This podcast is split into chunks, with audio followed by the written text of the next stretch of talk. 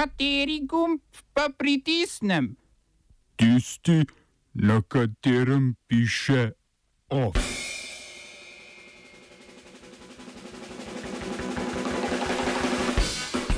Začasna predsednica Bolivije je postala Žanin Anjes. Socialisti in Podemos sklenili načelni dogovor o novi španski koaliciji.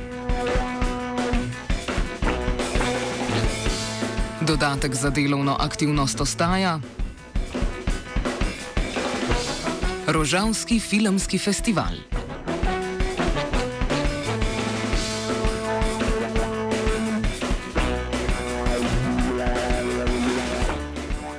Podpredsednica Bolivijskega senata Žanin Anjes se je razglasila za začasno predsednico Bolivije. Anjes je na torkovi seji najprej prevzela položaj predsednice senata, nato pa še začasne predsednice države. To naj bi, vsaj po lastni interpretaciji, omogočala ustava, saj sta po predlogu vojske, poleg predsednika Eva Moralesa, odstopila tudi podpredsednik države in predsednica senata. Poslanci Moralesove stranke MAS so se jo bojkotirali in ta posledično ni bila sklepna. Nove volitve mora Anjez razpisati v 90 dneh.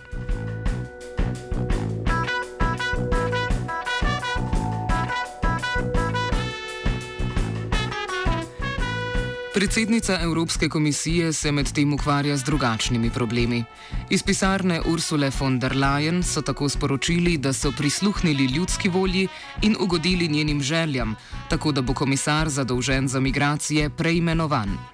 Margaritis Šinas bo ponovem znan ne več kot komisar za zaščito našega evropskega načina življenja, pač pa kot komisar za promocijo evropskega načina življenja.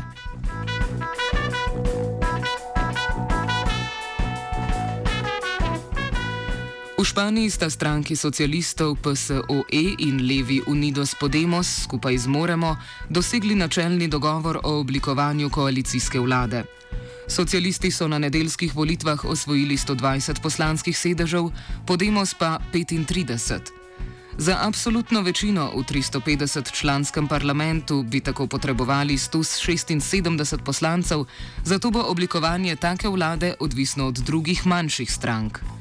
Tako vlado bi lahko podprle regionalne stranke in Mas Pais, podporo pa ji je že odrekla stranka Cuidadanos državljani.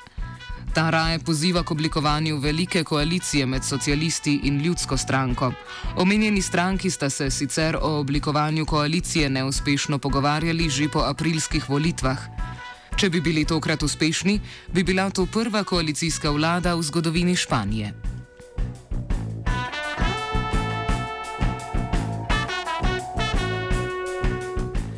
Generalni pravobranilec na sodišču Evropske unije je v svojem mnenju zapisal, da je mandat nekdanjega katalonskega podpredsednika Oriola Junquerasa veljaven. Posledično obsojenemu politiku pripada tudi poslanska imuniteta. V povzetku mnenja je sodišče zapisalo: citiramo. Poslanski mandat je mogoče pridobiti samo od voljivcev in ne more biti pogojen z izpolnitvijo kakršne koli formalnosti. Špansko vrhovno sodišče je namreč Junquerasu po volitvah prepovedalo zapustiti pripor in priseči kot poslancu. Zato v skladu s špansko ustavo ni mogel prevzeti mandata, ki ga je španska volilna komisija razglasila za neveljavnega. Mnenje pravobranilca za sodišče ni zavezujoče, ga pa le to navadno upošteva.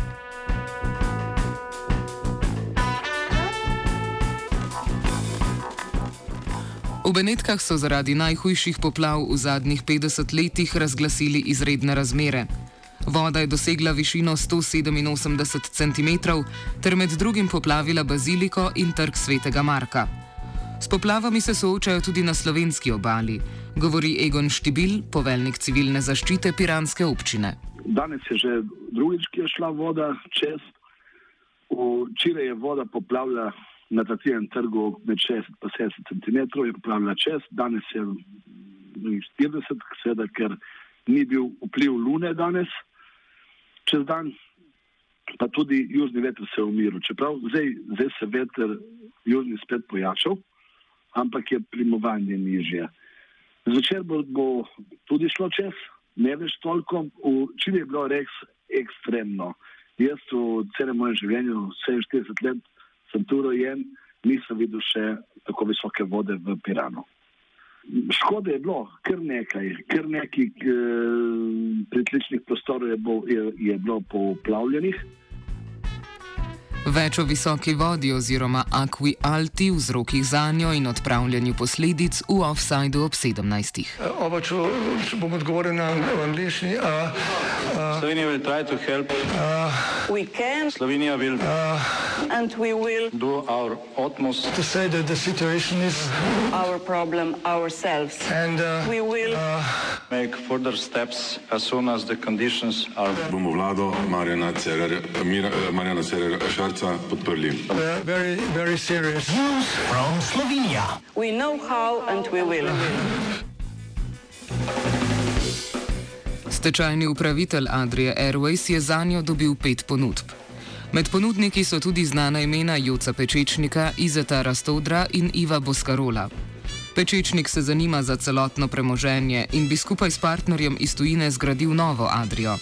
Rastodr želi pridobiti spričevalo za komercialne polete, Boskarol pa Adriino letalsko šolo. Adrija je v stečaju od 2. oktobra, vabilo k dajanju ponudb pa je upravitelj objavil 10. oktobra.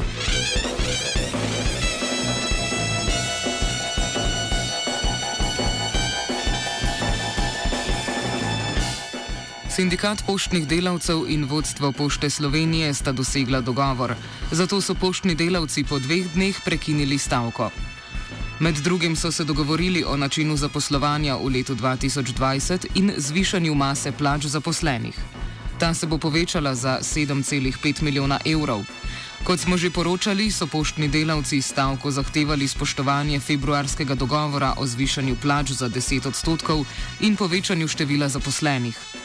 Že danes so iz sindikata delavcev prometa in zvez, ki niso delovali v dvodnevni stavki, javili, da so pripravili zahteve za spremembe prihodnje kolektivne pogodbe v prihodnjem letu, ki naj bi bile bistveno večje od sprejetega stavkovnega dogovora.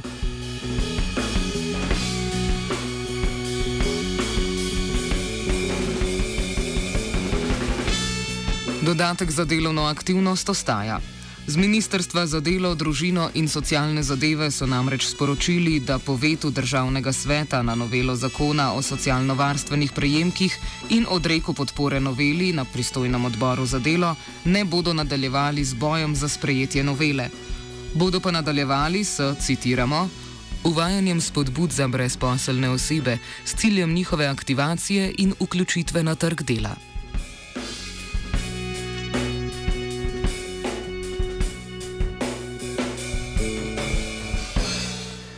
Preiskovalna komisija v zadevi Kangler ponovem ne bo smela izvajati niti preiskovalnih dejanj, ki se nanašajo na tožilce.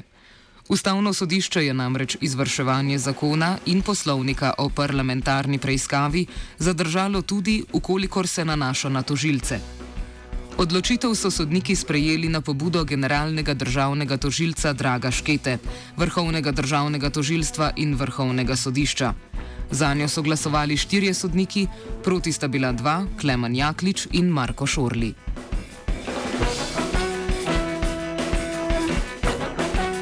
OF je pripravila Pija.